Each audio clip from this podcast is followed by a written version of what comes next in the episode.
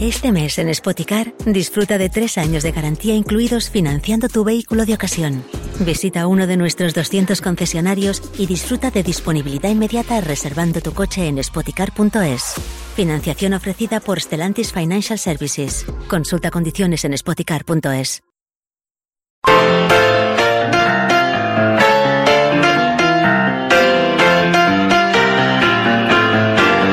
dia, són les 6 i des d'ara i fins les 7. Com sempre, aquí, a la Primera Pedra, en serem molts amb moltes ganes de dir bon dia. La Primera Pedra, dissabtes i diumenges de 6 a 7 del matí. Amb Noemí Polls.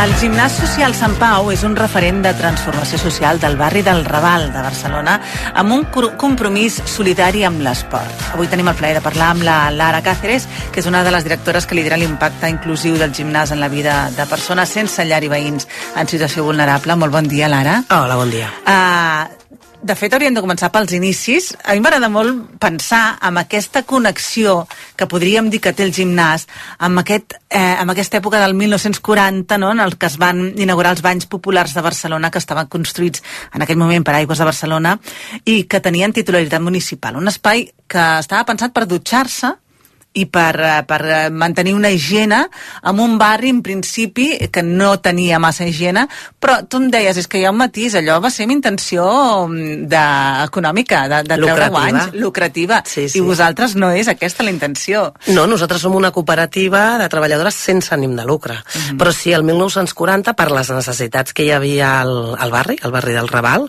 eh, de, de, de malalties per manca d'higiene, per re, manca d'higiene, perquè les, eh, els habitatges no tenien, no tenien aigua corrent, per tant no, no hi havia dutxa, etc.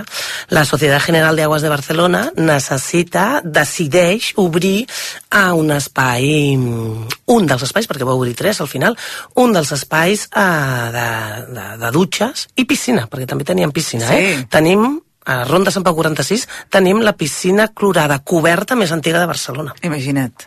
Que maco. I aquesta connexió va fer que aquest, eh, aquest espai eh, acabés convertint-se una mica en el que és ara el gimnàs eh, Sant Pau. Explica'ns què és ara aquest gimnàs. En A què s'ha convertit? Podem dir, el, el gimnàs social Sant Pau és un espai, són quatre parets en el qual passen coses. I aquestes coses que passen sobretot és el, persones que volen fer esport mm, um, poden fer-ho de forma segura, de forma amigable, de, de barri, de, mm, són un gimnàs de barri, en el qual també hi ha gent que per X motius no paguen quota. Hi ha gent que paga quota i hi ha gent que no. Però també vetllem, no sé, per exemple, tenim un vestuari que li diem no binari i hem de veure quin nom n'hi acabem de posar. Um, on persones que no estan còmodes amb el seu cos i no estan còmodes canviant-se de roba o amb un vestuari masculí o amb un de femení poden accedir a aquest espai. Com vam generar aquest espai? Doncs perquè els socis del gimnàs sortint, parlant amb ells, dient, escolta, per què no et dutxes amb la calor que fa i sus... Diu, és que no estic còmode, anem un espai a un altre. I vam dir, ai, doncs nosaltres podem generar... Està molt bé. Pues així vam tancar la piscina només per dones, també parlant amb els socis, vam començar a fer dutxes de persones, entitats del barri que ens deia, escolta, acaben de desnonar a una família o a un grup de joves, no sé què, podien venir a dutxar-se? Sí, que vinguin a dutxar-se. És a dir, és un espai, et dic, on passen coses perquè el barri ens demana que passi aquestes coses. Ja, passen coses molt maques. Durant la pandèmia, de fet, us veu convertir en un referent, perquè veu ser dels pocs llocs on eh, es va mantenir encara eh, el servei a la gent que més ho necessitava, no? Durant la pandèmia, durant la Covid, um, vam tornar a 1940, en realitat. Clar. És a dir, vam tornar a fer de servei de dutxes i, i canvi de roba. Repartíem també mascaretes. Després de seguida vam començar a repartir menjar, també per necessitat de... Perquè vam veure que hi havia una necessitat al... al... Anava a dir al barri, però no és cert, perquè ens venia gent de, inclús de fora de Barcelona. Imagina't. Perquè, clar, ja van haver-hi moltíssimes entitats que van tancar. Mm? Moltíssimes entitats que a banda de, ser, de fer la seva feina d'ajudar a buscar pisos, a buscar feina, a arreglar papers, etc, també feien, mm, uh, oferien dutxes, però molt poquetes, o, o dies molt concrets de la setmana. El que passa que la gent s'ho sabia i anava canviant doncs, d'un espai a un altre. I clar, es van trobar moltíssima gent que no tenia on dutxar-se, una cosa tan bàsica com és la higiene, no tenien on anar-hi. Nosaltres ja fèiem això quan el gimnàs funcionava com a gimnàs perquè hi havia socis que a banda de fer esport aprofitaven i es dutxaven. Aleshores el que vam fer és trucar a l'Ajuntament per dir Ajuntament, on podem eh, derivar aquesta quarantena de persones que necessiten una dutxa? I l'Ajuntament és quan ens va demanar que obríssim com un dels espais d'aquests anticovid, aquests centres anticovid que es van obrir a la ciutat. Uh -huh.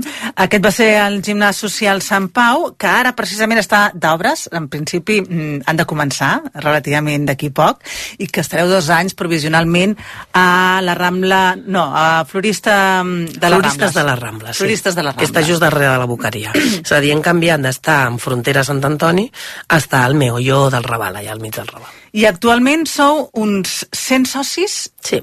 i pel matí és quan venen els usuaris. Ah, exacte. Que són- Quina diferència hi ha? Exacte. Usuari és la persona que utilitza el servei de dutxes i canvi de roba, que estem oberts de 8 a 12, mm? i fem unes, unes no, 100 dutxes diàries, o sigui, les fem sempre les 100 perquè si poguéssim fer més, mm, En faríeu eh. En faríeu més. I de 12 a 1 correm, correm per netejar-ho tot i que tot allò, tota la roba que tenim per allà, tots els calçotets, la- els mitjons, les camises, tot el que tenim per allà desaparegui i ens convertim en un gimnàs normal i corrent. De barri, sí, però un gimnàs normal. I amb quota molt accessible. Un cot accessible sempre. Sempre perquè el, eh, pensem que l'accés a l'esport ha de ser per a tothom. Mm? La quota que és de dilluns tu pots accedir al gimnàs de dilluns a divendres de 1 del migdia a 10 de la nit. Tenim activitats dirigides a la sala polivalent i també tenim una sala de musculació. I són 26 euros, mm? dels quals sempre diem 21 és perquè tu puguis fer gimnàsia i 5 per poder ajudar a persones que no tenen recursos a, a poder fer gimnàsia. I pel matí estàvem parlant d'aquest altre escenari que es converteix al gimnàs i que dèieu que venen unes 100 persones, però heu arribat a tenir 400 persones eh, per dutxar-se. Quan estàvem a Ronda Sant Pau, a l'estiu del 2021, que se suposa que la pandèmia ja estava baixada, etc etc, però hi havia encara moltes entitats, associacions que no havien agafat el ritme, van haver-hi a l'agost del 2021 tres dies seguits que vam superar les 440 persones que venien a dutxar-se diàriament. I avui dia no podeu eh, tenir tots els serveis que voldríeu diàriament eh, per tota la gent que ho demana. Quan vam haver de fer el trasllat de Ronda Sant Pau 46 a Floristes de les Rambles, clar, ens vam haver de plantejar, dir, què fem? Tornem a fer l'activitat per la qual ens vam conformar com a cooperativa, que és esport, o sigui, és fer, tenir un gimnàs social, activitat esportiva social, o seguim fent servei de dutxes que realment és molt necessari? I aleshores vam decidir compaginar-ho perquè moltes entitats del barri ens deien és que no podeu tancar. O sigui, us imagineu la quantitat de persones que a fi de comptes són veïns i veïnes de totes nosaltres. Quina quantitat de persones es quedaran sense dutxar-se si vosaltres tanqueu? Aleshores vam decidir reduir el número de dutxes perquè la mida de l'espai on estem ara, l'espai, el local provisional, és més petit, són 400 metres quadrats, cosa que Ronda Sant Pau tenia 1.400 metres, Mm, però vam tornar a obrir l'activitat esportiva perquè també és el que ens fa il·lusió i realment és per lo que per lo que ens vam, ens vam conformar en cooperativa. Uh -huh. uh, ara mateix us aniria molt bé que la gent també entengués uh, tota la feina que feu perquè em deies, és que no saps la quantitat de calçotets que uh, acabem comprant al llarg del mes perquè la persona que ve a dutxar-se li doneu un lot de roba perquè es pugui canviar de dalt a baix. Exacte. I això vol dir roba interior constant, bueno, calçotets i calcetes, m'imagino, Sí, no? i sostenidors, I i, mitjons. exacte. Sí, el que fem és... A veure, hi ha gent que no, que ve la seva roba, eh? també t'ho dic. Hi ha gent que ve... O que només volen la roba interior perquè les samarretes i els pantalons se l'estimen molt perquè és les, una roba que li agrada molt i per tant no ens la deixen. Perquè el procediment és, entren, li donem la roba que vulguin, Mm? Es, una tovallola, evidentment, es dutxen, tenen sabó, etc. es dutxen i quan baixen ens poden deixar la roba o no perquè la rentem. Mm? Dic que en baixen perquè, clar, tenim pisos, eh? Clar. El, aleshores poden deixar la roba i aleshores la rentem i la tornem a posar dintre del, dintre del cicle. Que ja dic que hi ha gent que els estima molt la seva roba i no, i se la, se la renten ells com, com poden. I també, si volen, els hi donem un àpat. Mm? Mm -hmm. Eh, Ara d'aquí poc començareu una campanya que voleu tenir més socis, necessiteu sí. més socis perquè el gimnàs segueixi viu i tant socis de, de quota com els altres que ja evidentment venen, però necessiteu també que funcioni i que tingueu recursos per ajudar aquells que no poden, que no poden pagar-se la quota. Com, com funcionarà aquesta campanya que comenceu ara? A veure, jo vull fer una reflexió als, a, les, a les oients. Quantes vegades no ens hem apuntat totes al gimnàs i no hi hem anat? Ni un dia. o el primer dia. Exacte, vas al primer dia, vas al segon i després dius, ai no, mira, que m'ha sortit. Avui no puc. Doncs escolta, en comptes d'apuntar-te a qualsevol gimnàs, apunta't al Sant Pau, que així hi haurà gent, doncs això, que podrà, que podrà gaudir d'esport que és molt necessari per a aquestes persones però no tenen prou diners com per pagar una quota. Aleshores, aquesta campanya, que la comencem avui, just avui, eh, és la campanya de estem buscant socis peresosos. Sabeu? A los peresos pues socis peresosos. D'aquells que no aniran al, al gimnàs però que en canvi pagaran una quota mínima, perquè em sembla que eh, quants euros 11. són? 11 euros al mes. I que podran ajudar que, a que un gimnàs com aquest, com el de Sant Pau, el gimnàs social Sant Pau, continuï obert i continuï fent aquest servei social tan i tan necessari, eh, les xifres ho diuen i ho mostren eh, per la societat en la que vivim. Doncs Lara, moltíssimes gràcies, seguirem de prop aquest gimnàs i que vagi molt bé. Moltíssimes gràcies a vosaltres. La primera pedra, dissabtes i diumenges de 6 a 7 del matí. Amb Noemí Polls.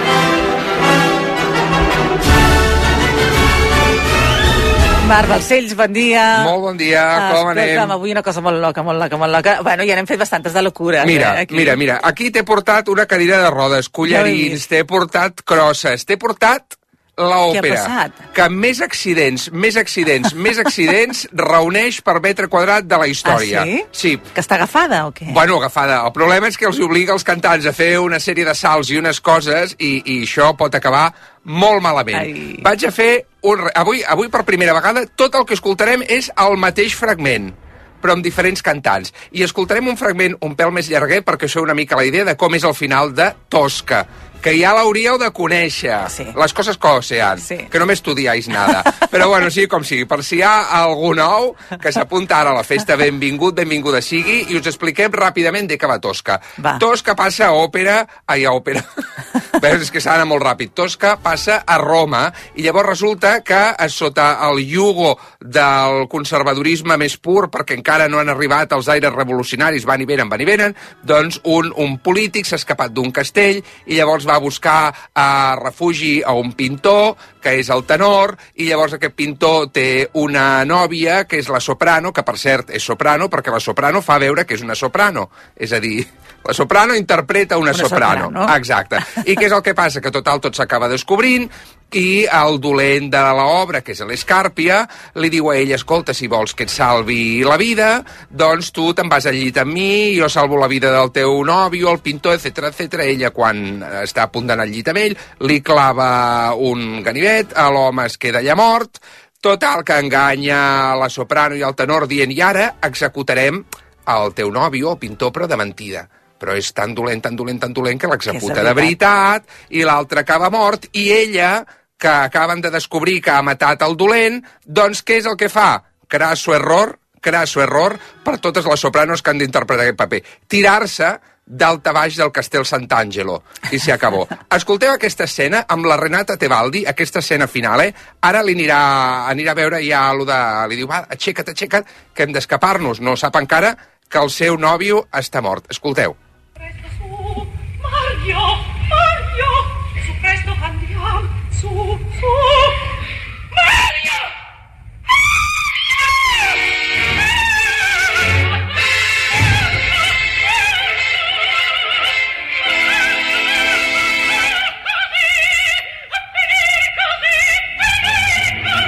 I ara van a per ella.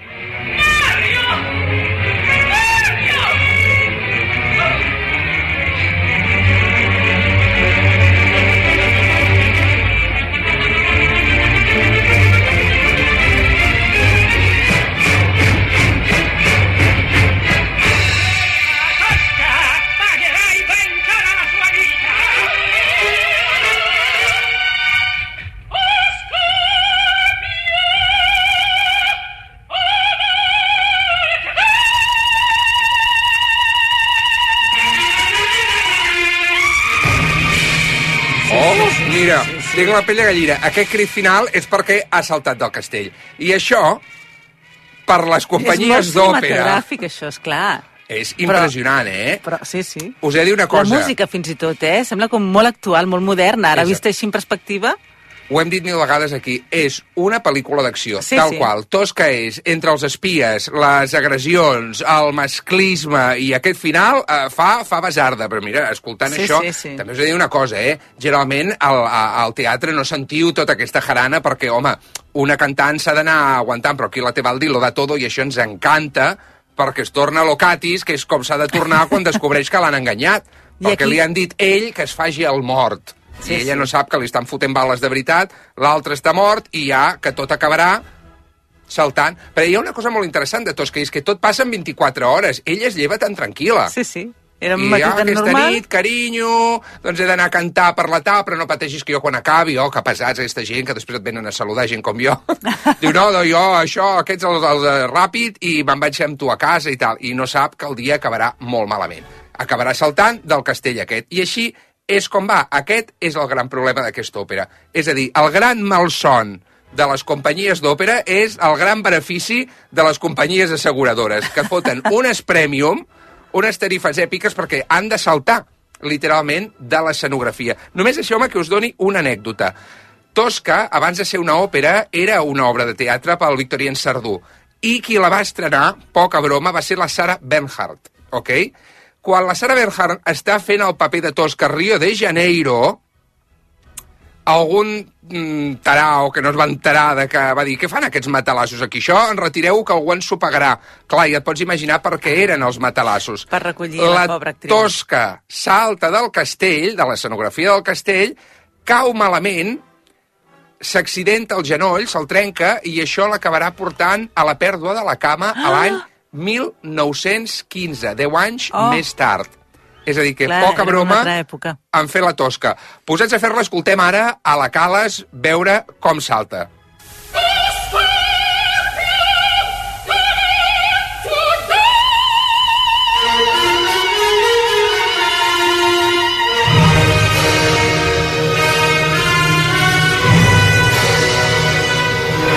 Clar, has de fer aquest mega agut i tal. Ara ella continuarà cantant, eh? perquè en aquest clip que he trobat, ella ho canta l'any 53 i ella canta l'any 65, perquè la gent digui, veus, doncs no estava tan mal, el sis- Sí, sí, 65 encara, encara durava. Ja anava la pobra de baixada, però és veritat que el 65 encara, eh, i, i Tosca sempre li va quedar com anillo al dedo. Escolta, altres coses que he trobat d'aquests salts eh, per Mortals, San Angelo. gairebé. A una que li van posar pobra, un trampolí, que això ha arribat a passar altres vegades, que clar, que és el que passa, que llavors salta, Encara i clar, el més. públic veu com torna a rebotar, perquè clar, El la cosa, avall.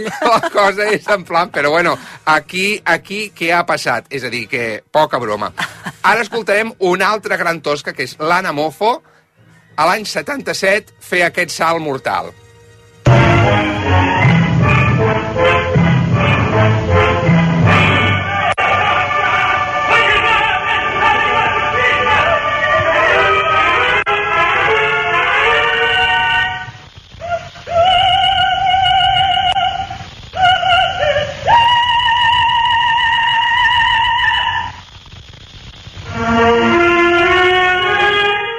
Això, aquestes coses tan... A més, és que la frase és tan èpica, o escàrpia, avanti a Dio, eh? És a dir, ja en jutjarà ell, jo adeu, em tiro, perquè, escolta, pitjor no pot anar. Una altra gran anècdota. Un Castel Sant'Angelo, que això tampoc ho acabo d'entendre, amb diferents finestres. Entenc que des d'aquest cas es deuria tirar des de l'interior, però bueno, eh, aquí executa algú en l'interior d'una sala. Escolta, i la pobra soprano no recordava a, A quina finestra s'havia de tirar? finestra Ai, hi havia el matalàs. Un Oh, altre que ostres. també mordió absolutamente el polvo.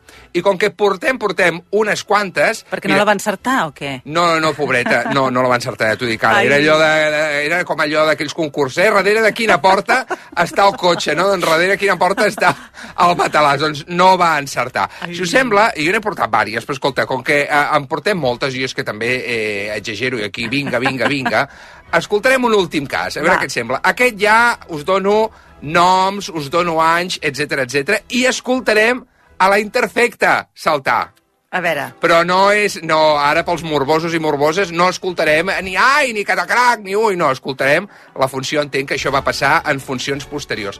Parlem de la soprano austríaca Martina Serafin, que l'any 2015 fent un mal aterratge després de saltar de Castel Sant'Angelo, es va trencar, això em fa un mal llegir-ho, la barbeta. Ah. Imagina't, si sobre va caure malament de cara al menisc i lligaments varis Ah. del cos. Així que, xau, xau, eh, fatal, en sèrio, fatal.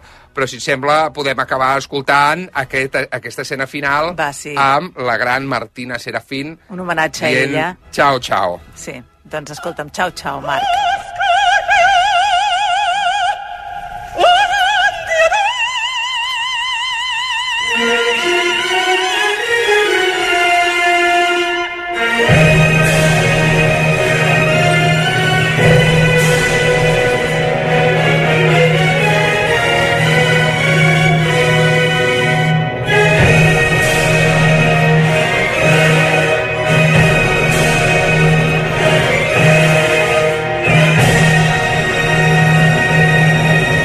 La primera pedra. Moment ara per saludar en Jordi Margarit. Jordi, molt bon dia. Bon dia, Noé. Un 11 de febrer de 1951 neix a Barcelona Josep Manel Casanova i Capdevila, futbolista, entrenador i director tècnic. En el món futbolero el vam conèixer com a José Manuel. Es va formar al club de futbol d'Am i es va proclamar sotscampió de l'estat en juvenil. Va jugar al Sabadell, Terrassa, Júpiter, Sant Andreu i l'Espanyol. Aquell febrer de 1951, a les ràdios d'arreu hi sonava Big Damone i el seu My Trolley Trolley Fair. Some men plow the open plains, some men sail the brine. But I'm in love with a pretty maid. For work I have no time. My truly, truly fair, truly, truly fair. How I love my truly fair. There's songs to sing her, trinkets to bring her, flowers for her golden hair. Una cançoneta ensucrada i meritòria de les il·lusions i somnis d'aquella època. Aquí ens feia molta gràcia escoltar també per ràdio aquesta catxita d'en Xavier Cugat. Sempre ens vam mirar la feina que l'àmbit tant de la música com de la cinematografia desenvolupava aquest català universal. Recordem catxita d'en Xavier Cugat. Óyeme, cachita, tengo una rumbita para que tú la bailes como bailo yo. Muchacha bonita, mi linda cachita, la rumba caliente mejor que el pop. És prou interessant veure com els seus arranjaments, del Cugat, eren tan i tan singulars i identificatius de totes les peces que passaven per les seves mans. El 1951, i segons sentim a l'arxiu sonor de la ràdio de la UAB, l'Enric Casademont entretenia els oients de Ràdio Barcelona fent parlar amb Pau Pi. Ja que no sap quin és el poble de Catalunya que fa més festes. Tots els pobles de Catalunya fan festes, per la festa major, la festa d'hivern, la festa del patró... Hi ha un aquí prop de Barcelona que fa més festes. Quin és?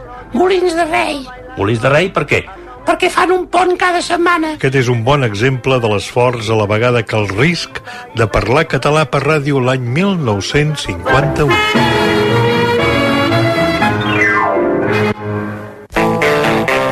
One day in London City, a crew called C2C.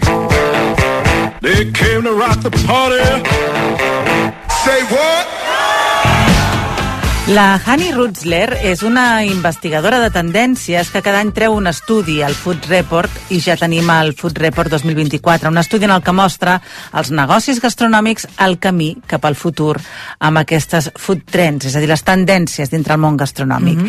I hem dit, escolta'm, avisarem a l'Anabel perquè ens analitzi una mica. L'Anabel Fernández és directora de nutrició de Coa Center. Anabel, bon dia. Bon dia. I hem dit, explica'ns una mica què diu aquest estudi, cap on van les tendències gastronòmiques. Mira, a mi aquest any m'ha agradat molt l'estudi. Sí? Sí, Perquè, perquè deu haver-hi anys que no deus estar massa d'acord ni Bueno, tot són tendències, si són bones no? Però, o no. Bueno, però aquest any m'ha agradat perquè jo crec que indica que les coses estan començant a canviar i que la gent està veient que no podem seguir menjant com estem menjant i que ens hem de posar en vista la sostenibilitat del planeta, que al final quasi totes les tendències que van parlant van molt en vogue a la sostenibilitat del planeta. ¿vale? Mhm.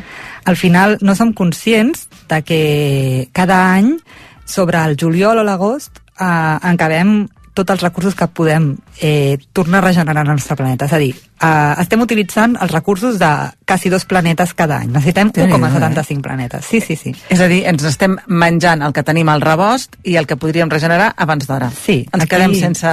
sense... Sí, sigui, al final és molt difícil, no? perquè la gent a nivell individual li costa fer canvis.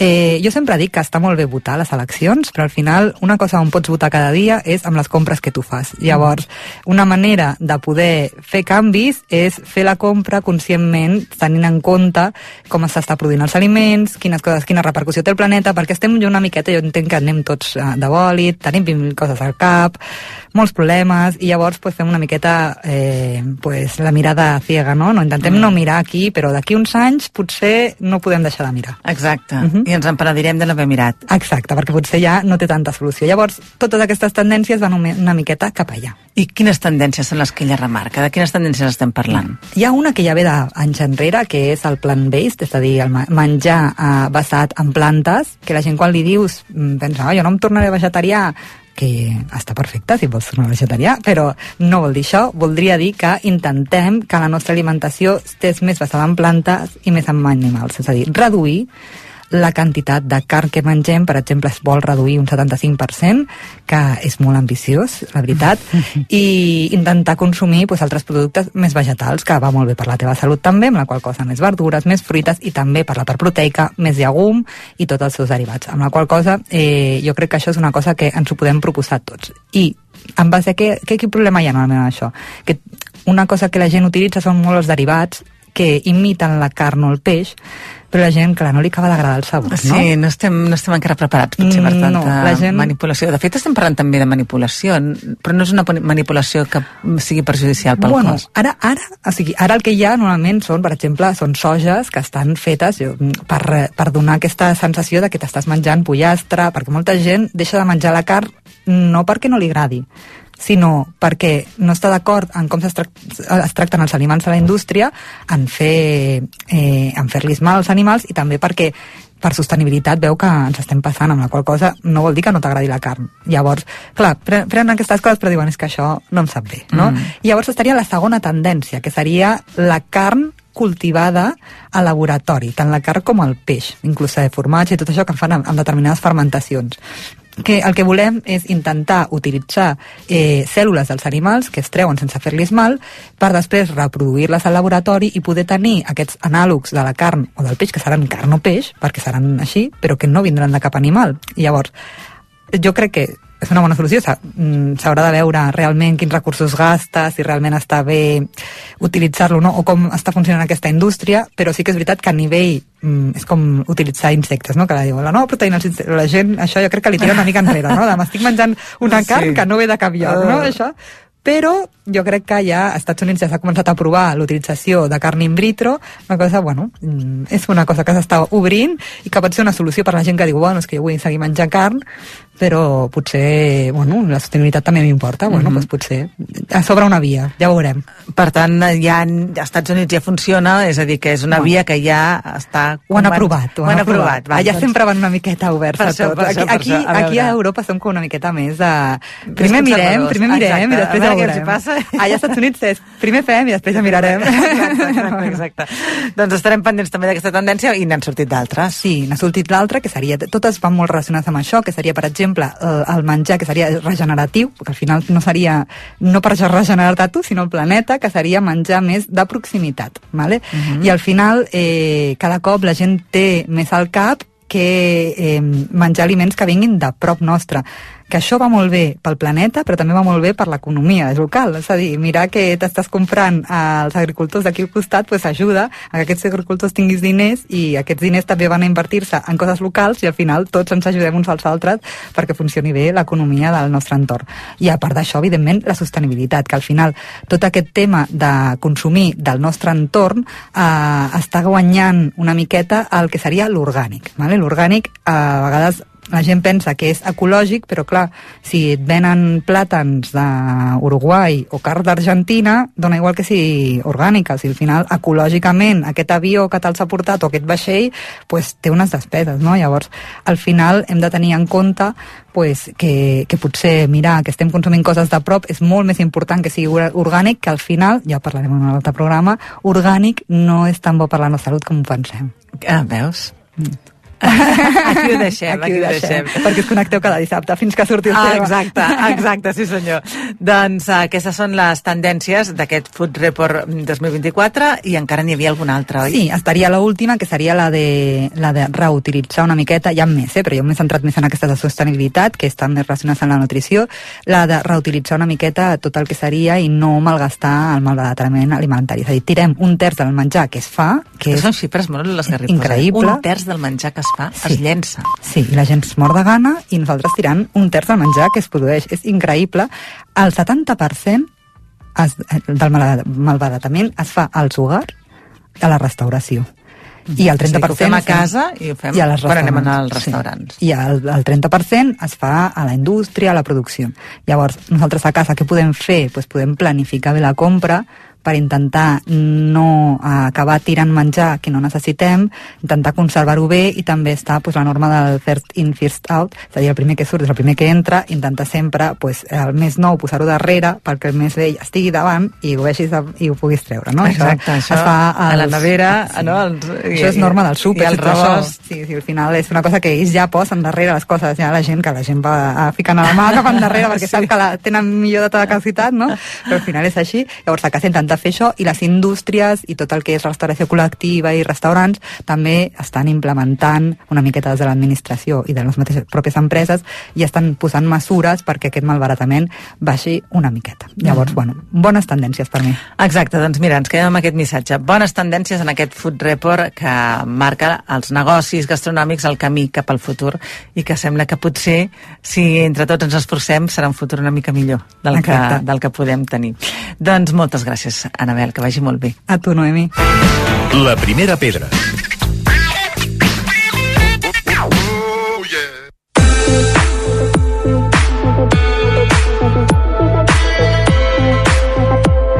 Montse Interiors t'ofereix Cases amb ànima. El procés de negociació d'un pis, tant sigui per llogar com per comprar, sempre és un moment molt important. En volem parlar amb la Queta Xampeny, ella està al capdavant de la mobiliària Kelly. Queta, bon dia. Hola, molt bon dia, Noemi. Benvinguda. Escolta'm, volem les claus per no fracassar en aquest procés. Exacte, exacte. Perquè no és fàcil. No és fàcil. I Per a ningú, més, per cap no, de les dues parts. No. En el cas dels venedors, en el nostre cas, ens contracten a nosaltres perquè liderem la negociació, perquè moltes vegades negociar per tu mateix és Fatal, horrorós. O sigui, sí. a mi em passa, jo sóc molt bona negociant per una altra persona, però moltes vegades amb les meves coses sóc un desastre. Val? Això és en el cas de... Quan a mi em contracten, jo, sobretot, tinc davant el comprador. Val? I com hem anat dient moltes vegades en aquest programa, són moments en què hi ha moltes emocions en joc i ens poden jugar una mala passada. I justament aquesta setmana m'he trobat amb un cas així, Ah, sí? d'una família que estaven interessats en un pis, van fer la negociació eh, d'una manera molt poc exitosa perquè al final el resultat és que, tot i ser un, segurament sobre el paper un millor perfil, van acabar perdent aquest pis. I clar, en pisos és un rotllo això, Sí. perquè és que no n'hi ha de dos d'iguals, és molt difícil. A veure, pots trobar-te una obra nova, que hi hagi un edifici, que n'hi hagi molts de similars, però en les ciutats normalment, que són Costa pisos de trobar segona aquell mà, pis que té l'ànima perfecta. Quan t'has enamorat Sí. i ja tens aquesta ànima i aquest cor trencat. Així que, va, Va, us, do- us diré alguns tips perquè això no us passi. D'entrada, i ja veureu que també eh, trencarem alguns mites, eh, amb Ah, sí? aquestes claus de negociar bé. Ja Ja, veureu que, que sí. D'entrada, dir la veritat. O sigui, evita aquesta cosa que a vegades ens sembla que si ens interessa molt una cosa hem de demostrar que no ens interessa gens, saps? I hem de dir, no, jo ja veus, a mi, si el M'és perdo... igual. No, no, és millor, de veritat, que vagis i diguis, mira, m'he enamorat. molt. Clar, perquè és que a l'altra banda tens una persona que està venent una propietat que se, se, se l'estima molt, normalment. I si tu li dius, escolta, aquest pis s'ha de reformar tot, i lletgíssim, està en un barri que està degradant-se, i no sé què, és molt probable que te digui, escolta, jo li vull vendre a algú que s'hagi enamorat, no... Clar. I moltes vegades ho fem Com a estratègia de com a dir, no té tant estratègia, valor, a clar. veure si ens baixen el Sí, preu. Doncs no, funciona. És millor dir, No. m'he enamorat, és el pis de la meva vida, és preciós, però arribo fins aquí, o si us plau, us demano aquesta mica, perquè, mira, hauré de fer aquestes millores, saps? dit d'una manera o de l'altra, canvia molt, val? I tant. O sigui, això, evitem aquesta mena de mm, desinterès absurd, val? Uh, a més, també ens passa una cosa, que ja comences la negociació generant Mal començant rotllo. des d'una mentida. Ja. Perquè, escolta, si tu tan, tan, tan horrorós trobes el pis, per què t'interesses? O sigui, ja és un, un primer pas de desconfiança, val?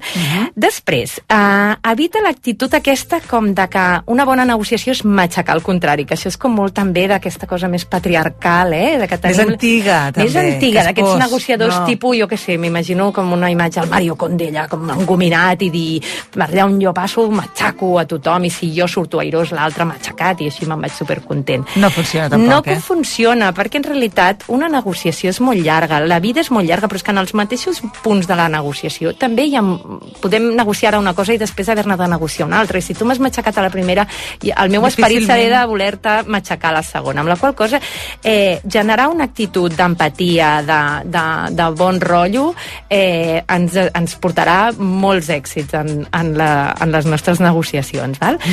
Tercera, transparència. Com deia, genera empatia, arriba a un acord en base a, a, a la teva a, a experiència personal, explica'ns, saps? Per exemple, en el cas d'aquest pis que et parlo, ostres, la persona que es va quedar al pis finalment em va explicar, mira, és que és per la meva mare, vull tenir-la molt a prop, uh, jo tinc quatre fills i, i, i, i la necessito aquí, no? Aquest és un pis adaptat, que la meva mare estarà molt feliç. Ostres, jo quan ho vaig transmetre a la part venedora ja es van focalitzar en aquella persona, no? I és molt difícil dir que encara no. hi ha molts sentiments eh, en el món de la Clar, de immobiliari, clar. malgrat que la gent pensi que no. Afortunadament, no, no, no. afortunadament. Hi ha molts i inclús... Mm, sí, sí, jo li deia mm, has, has aconseguit tu el pis per sobre d'una oferta superior, més sòlida i tal, però és molt difícil quan tu ja has conegut aquella persona, Sí. saps? Perquè ja li estàs dient que no. Ja t'has- ja t'has fet aquell imaginari d'aquella iaieta que viurà en el pis a prop de la filla, saps? I, i en canvi, ostres, l'altre era doncs, un número més, no? Aleshores, sobretot, explica la teva història. L'storytelling ens ajuda moltíssim, també. Um, quarta idea, que Uh, uh, que ve una mica en relació amb aquesta que dèiem abans de matxacar l'altre. Normalment en una negociació, perquè diguem que ha tingut èxit, és en una negociació on aconseguim generar un espai en el que tothom guanyi. O sigui, no la, no la, no la plantegem amb el que jo et dono el pe ho perdo, val? Sinó, i amb això us faré un exemple que és molt xulo, que és um, l'exemple de la llimona. Tu imagina't, en una cuina hi ha dos cuiners que necessiten una llimona i només n'hi ha una, val? El primer cuiner uh, s'encarrega de fer les amanides i necessita una llimona per fer la seva amanida. I el segon cuiner és el que s'encarrega de les postres i necessita per fer un pastís de llimona una llimona, no? Si partim la llimona, és probable que tots dos doncs, surtin perdent, perquè tots dos necessitaven una llimona i només en quedava una, no? Eh, si cap dels dos, o sigui, si un renuncia, òbviament, doncs serà un escenari en que un guanya tot i l'altre ho perd tot, no? No serà aquest escenari de confiança. Però, parlant, potser descobrim que tots dos en poden sortir guanyant. I com, com pot ser això? Doncs, per exemple, potser el que fa amanides necessita fer una vinagreta i necessita el suc. I l'altre, que potser necessita només la ratlladura de fora, doncs amb la part de fora de la llimona en tindria prou, no? Això, moltes vegades parlant, ja surten, es creen aquests escenaris, per la qual cosa jo sempre dic, és molt millor que sempre expliqueu tot el que us preocupa, tot el que és important per vosaltres, i no tornant a aquesta mena d'amago informació i així em sembla que sóc més poderós. Val? O sigui que ja veus que estem trencant bastants Sí, sí, mites. sí, sí, val? està molt bé, està molt bé. I finalment... I mira, i, sí, exacte, per acabar, que també n'hem parlat moltes vegades, eh, és això, mira d'identificar les emocions que t'estan conduint a vegades a, a posar-te més nerviós en, en una negociació, i a vegades només verbalitzant-les ja les fas baixar o les comparteixes amb l'altre, l'altre entén que potser doncs, en un moment donat sigut com molt taxatiu amb una, donant la teva opinió, però que era fruit d'un moment de nervis i l'altre, doncs això, t'ajuda a empatitzar. O sigui que mira d'identificar les emocions, comparteix-les i, i, i busca aquesta relació de, més, més mm, propera no? amb l'altra persona. Uh -huh. I per acabar, penseu que això de negociar ens sembla que és només doncs, quan compres un pis, negocies, no sé, un contracte, quan t'estan contractant Res. És sempre, cada és dia ens cada passem moment, negociant cada moment amb els fills, amb tothom. Amb tot. Amb els fills, realment, sí. I si no pares. Sí.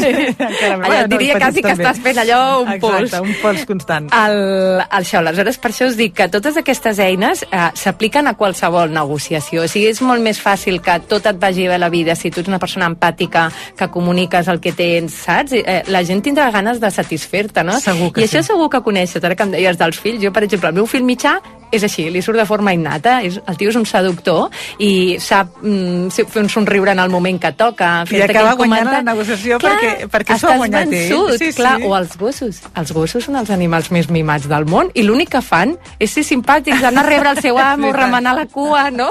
I així aconsegueixen que estiguis ajupit, recollir les seves caques, que facin Sí, unes sí, sí. coses per un animal que és de veritat. converteix-te en un... M'agrada bueno, aquesta un gos és una mica raro, No, no, però sí, però canviem l'actitud i segurament amb les emocions aconseguirem molt Clar. més. Doncs ens ha agradat tenir aquestes claus per no fracassar, Queta. Moltes gràcies. A vosaltres, bon dia. La primera pedra. Dissabtes i diumenges amb Noemí Polls. L'any 1934 el nostre besavi va començar la fabricació i venda de roba per metres. Després s'hi van afegir el fill, el Francisco i el net, el Paco. El Paco es va casar amb la Montse i varen obrir a Sant Vicenç de Castellet la primera botiga d'articles per la llar el 1972. Era la botiga de la Montse.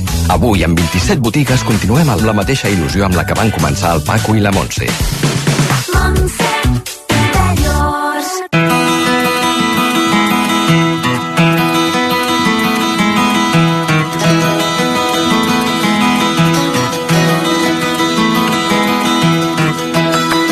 lèxic, especialment entre els joves de la generació Z, es mou a ritme vertiginós.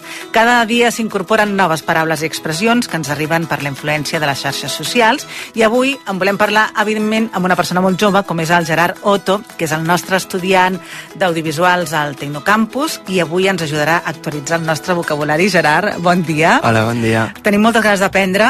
Eh, som una generació, encara que som una mica grans, eh, oberta. I volem saber moltes de les coses que dieu, per què les dieu, què volen dir. A veure, digue'm alguna d'aquestes coses que vosaltres feu servir i que la meva generació no entén. Vale, jo he preparat un llistat de paraules, llavors te les diré totes. Però A primer veure. vull començar en... Eh, per tu, què és l'imperi romà? L'imperi romà? Sí. L'imperi romà. Sí. L'imperi romà eh, forma part d'una època de la història en la que a Roma era el centre i estaven els romans eh, doncs, eh, dirigint el, pràcticament el món. Vale, doncs ara hi ha una, una altra definició de què és l'imperi romà i vol dir com algo que t'agrada molt, algo que no pots parar de pensar eh, durant tot el dia. Ah, sí? Sí, per exemple... Mm, Això, posa'm un exemple. Sí, pues ha sortit una cançó d'Ariana Grande. No puc parar amb la cançó, és com el meu imperi romà ara mateix. O sigui, diries, el meu imperi romà és Ariana Grande. Exacte, i això ve...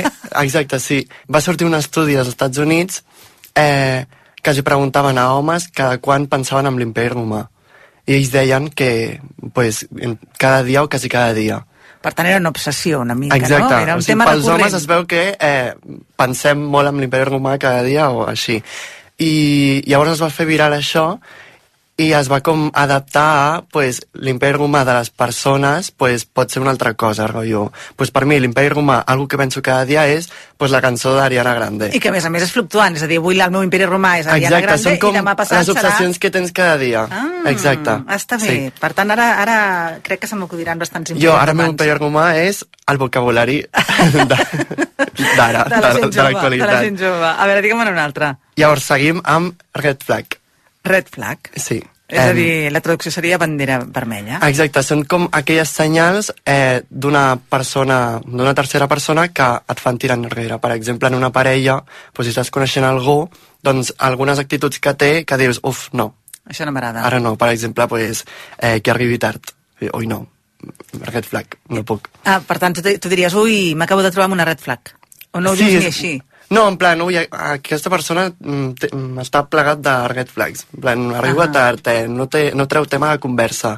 Eh, o Va. coses així, coses que no t'agraden. Uh -huh. Per tant, ja en tenim una altra, red flag. Exacte. Quina més? La següent és Slay, Slay. que va enllaçada amb, amb la segona, però faré com una introducció de de d'on venen, i venen de... Eh, de de Nova York, l'època del Vogue, saps el Vogue, el ball em, que es feia en concursos on anava gent discriminada a l'època dels 90. Uh -huh. De fet, la cançó de Madonna, que va, Sí. és- era per fer aquests concursos. Llavors, doncs, el que feien era com per enfatitzar pues, la figura d'algú que se l'ha marcat, en plan, que ho ha abordat i dius, és l'ei, no sé què. Per Com- tant, di digue'm una, un exemple.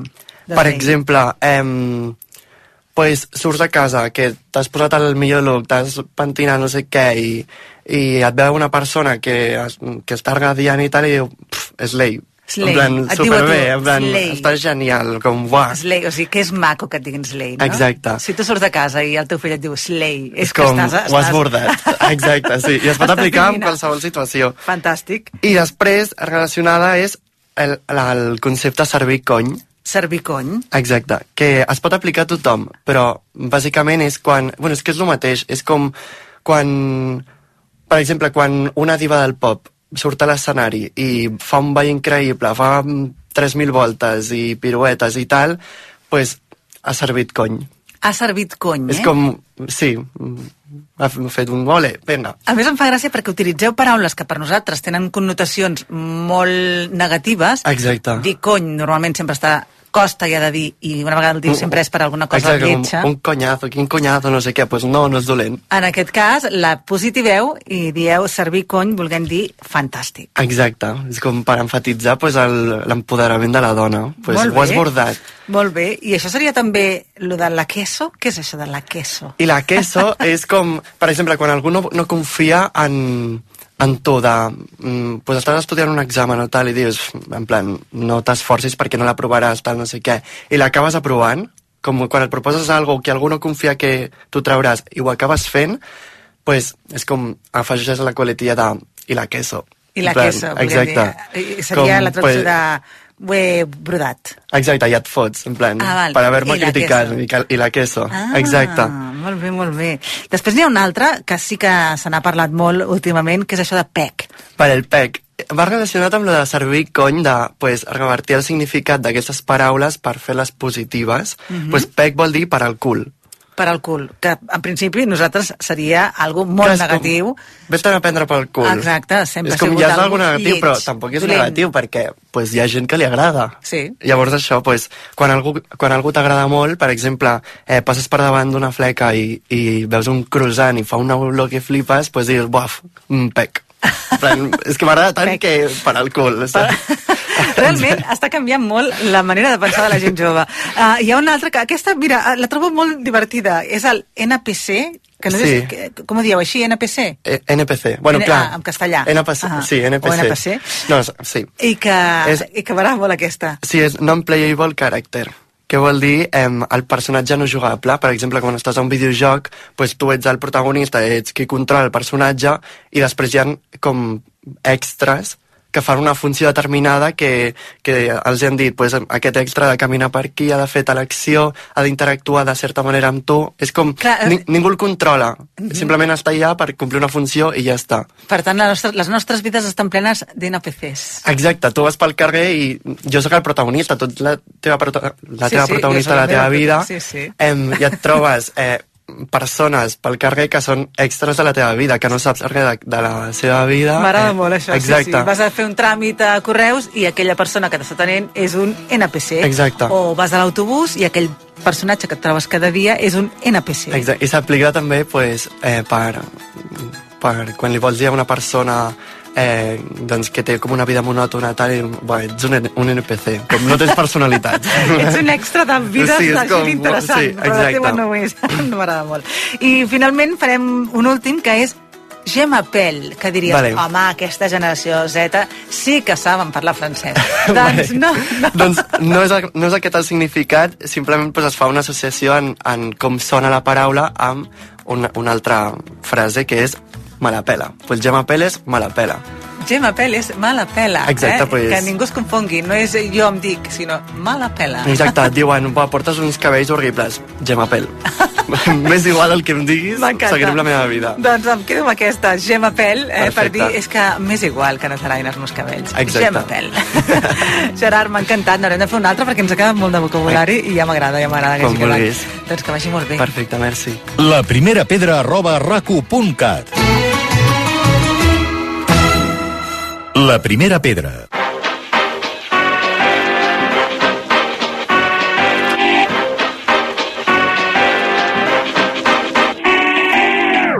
Sí, vam mirar pel·lícules a casa. Avui mirarem sèrie televisiva. Joan Maria Morros, bon dia. Bon dia, i a casa també. A casa, exacte. Sí, senyor. I ja et vaig comentar que eh, és la producció de televisió més cara que hi ha hagut mai a la història de la televisió francesa.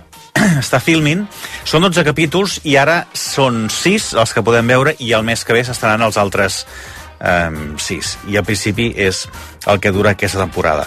Um, I no només és això, eh, de la producció més cara que mai a la televisió, sinó que hi ha molts noms aquí que, que, que permeten veure la importància d'aquesta sèrie. Per exemple, Xavier Janoli, que va guanyar el César l'any 2021 per les il·lusions perdudes, i entre els intèrprets hi ha, per exemple, Vincent Lindon, hi ha la Olga Kilenko i el Nils uh, Schneider. El que fa és explicar una història real. Ens n'hem d'anar a l'any 2005, quan la uh, Unió Europea va implementar l'impost sobre el carboni, que aquesta és la premissa de la que parteix la sèrie d'Argent et de Sang.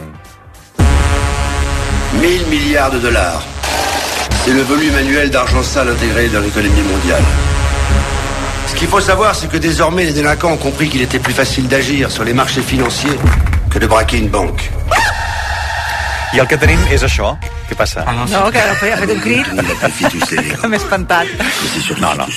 Um, és això, és a dir, ens estem situats en aquests moments quan la Comissió Europea estableix aquest impost sobre el carboni perquè era uh, una de les uh, maneres de lluitar contra el canvi climàtic. Però el que passa, uh, ràpidament, això ens en recordarem, perquè de fet ho havíem explicat, ho havíem llegit, que és aquella mena de uh, història que van agafar les empreses com que uh, si pagues pots contaminar Clar. que no vindria a ser el cas, oi? Com s'ha demostrat amb aquesta, amb aquesta història. I el que tenim és, i a partir del moment en què s'estableix aquest uh, impost, que comencen a pensar, eh, diguem-ne que els que estan a la cara, diguem-ne que més uh, contrària a la llei, com es pot eh, guanyar calés il·legalment amb aquesta història. I aquí tenim dos estafadors de Belleville que, a més a més, es posen en contacte amb un eh, de les persones més adinades de França, que està molt eh, lligat i que té molta, molta afició, diguem-ne, a jugar al pòquer, que el que volen és eh, anar estafant tots aquests calés a través de l'impost i fent diferents passes, quedar-te'ls tu. Què et sembla? Veus? Mira, no, no, sempre hi ha algú que és més viu que ningú. Ah, sí, així està. És a dir, Sí. surt d'aquesta llei i de seguida hi ha algú que, aquests els que siguin, eh, que ja pensen com pots, diguem-ne, que donar la volta perquè tot això vagi a parar a la teva butxaca i, diguem-ne, que ho estiguis infringint tot. Um, L'any 2018 es va publicar un llibre que d'un periodista que explicava i que havia analitzat i investigat tota aquesta història, que ha estat la base d'aquesta sèrie. La veritat és que està molt bé. És a dir, clar, només he vist els sis primers perquè és el que tenim en aquests moments a, a Filmin, però està molt bé, molt ben explicada, molt ben interpretada i sobretot que et va fent eh, eh, entrar molt en tot aquest debat, molt més actual ara que mai, amb el tema de, del canvi climàtic, perquè no ha fet més que greujar-se des, del, des del 2005, quan es va començar a implementar aquesta història sobretot eh, l'estafa quan es va dur a terme que va ser a final d'aquella dècada entre els anys 2008 i, i 2009 però molt recomanable també per anar-ho anar a ve- anar eh, per veure aquesta sèrie perquè estem davant d'un dels fraus més importants que hi va haver mai, no només a França, sinó també a nivell de, a nivell de tota Europa, amb aquesta història. Mhm.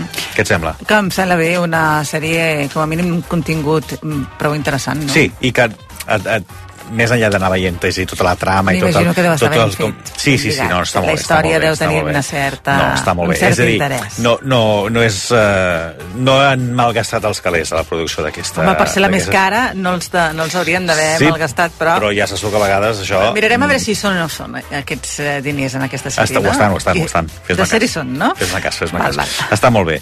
És uh, la...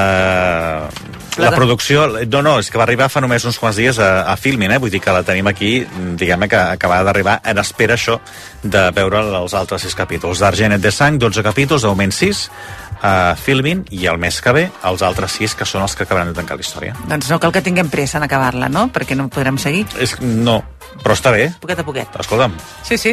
Uh, Joan Maria, moltíssimes gràcies. fins la setmana que ve. Adéu-siau. Adéu.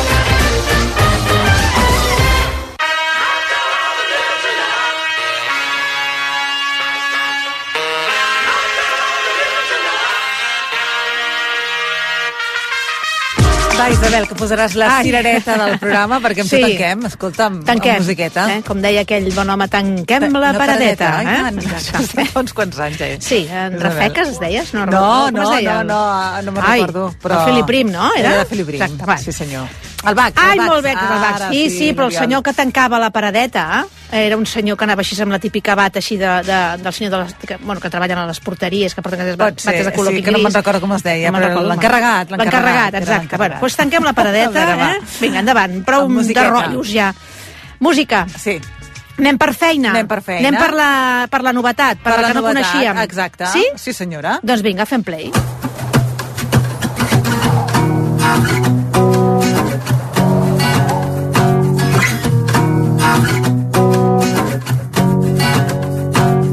Can't believe September's already over. Look for stars and I found a supernova. Pray to God that I can hold her close. I know she's worried about the snow. So darling, should I bring her cold? She's not ready for the end. Aquest l'han descobert, Isabel? Sí. I què? Es diu Asiris, el tema es diu My Friends Toyota, és un nano que canta, és molt jove, eh? canta música tradicional, així folk, una miqueta, un, un puntet també una miqueta country, però està, es veu que ho està patant amb aquesta xarxes, bueno, amb aquesta aplicació que jo no tinc, que es diu TikTok. Mhm. Es veu que ho està patant amb la seva música i la utilitzen molt per fer doncs, vídeos. Eh? Ah, està molt bé. I a mi me l'ha recomanat el, Spotify perquè és que sona molt bé i m'ha agradat, agradat molt el, el, la pujada de la cançó, és a dir, la, aquesta tranquil·litat, aquesta més així més suau que es deixa escoltar bé i cada cop i volta fa una pujadeta i va passant i és com plana aquesta cançó plana però amb, però amb to i m'ha fet i m'ha agradat molt i he Que pensat, bé que ho pues, descrius, Isabel. sí, tu creus? no m'he enrotllat molt, No, no, no, s'entén? escolta, oh, i tant, que s'entén. doncs es diu Asiris i us el porto com a la novetat Doncs diguem-ho eh, així, ens agrada molt, l'apuntarem també a la nostra llista de Spotify. Perfecte. I ara, Un, eh. un clàssic. Ah, un clàssic. Sí? Més a més, és un clàssic que m'ha fet molta il·lusió,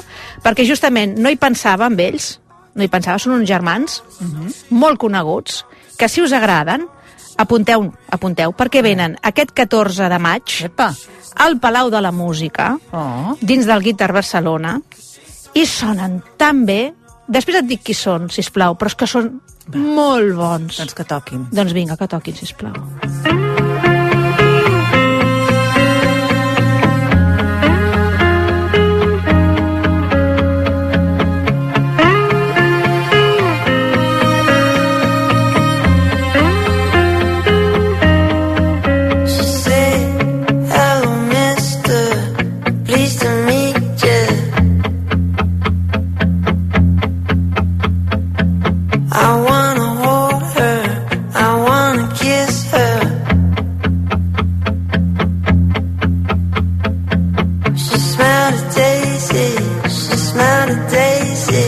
parlar i tot, És que, bueno, són els germans Angus and Julia Stone, són australians.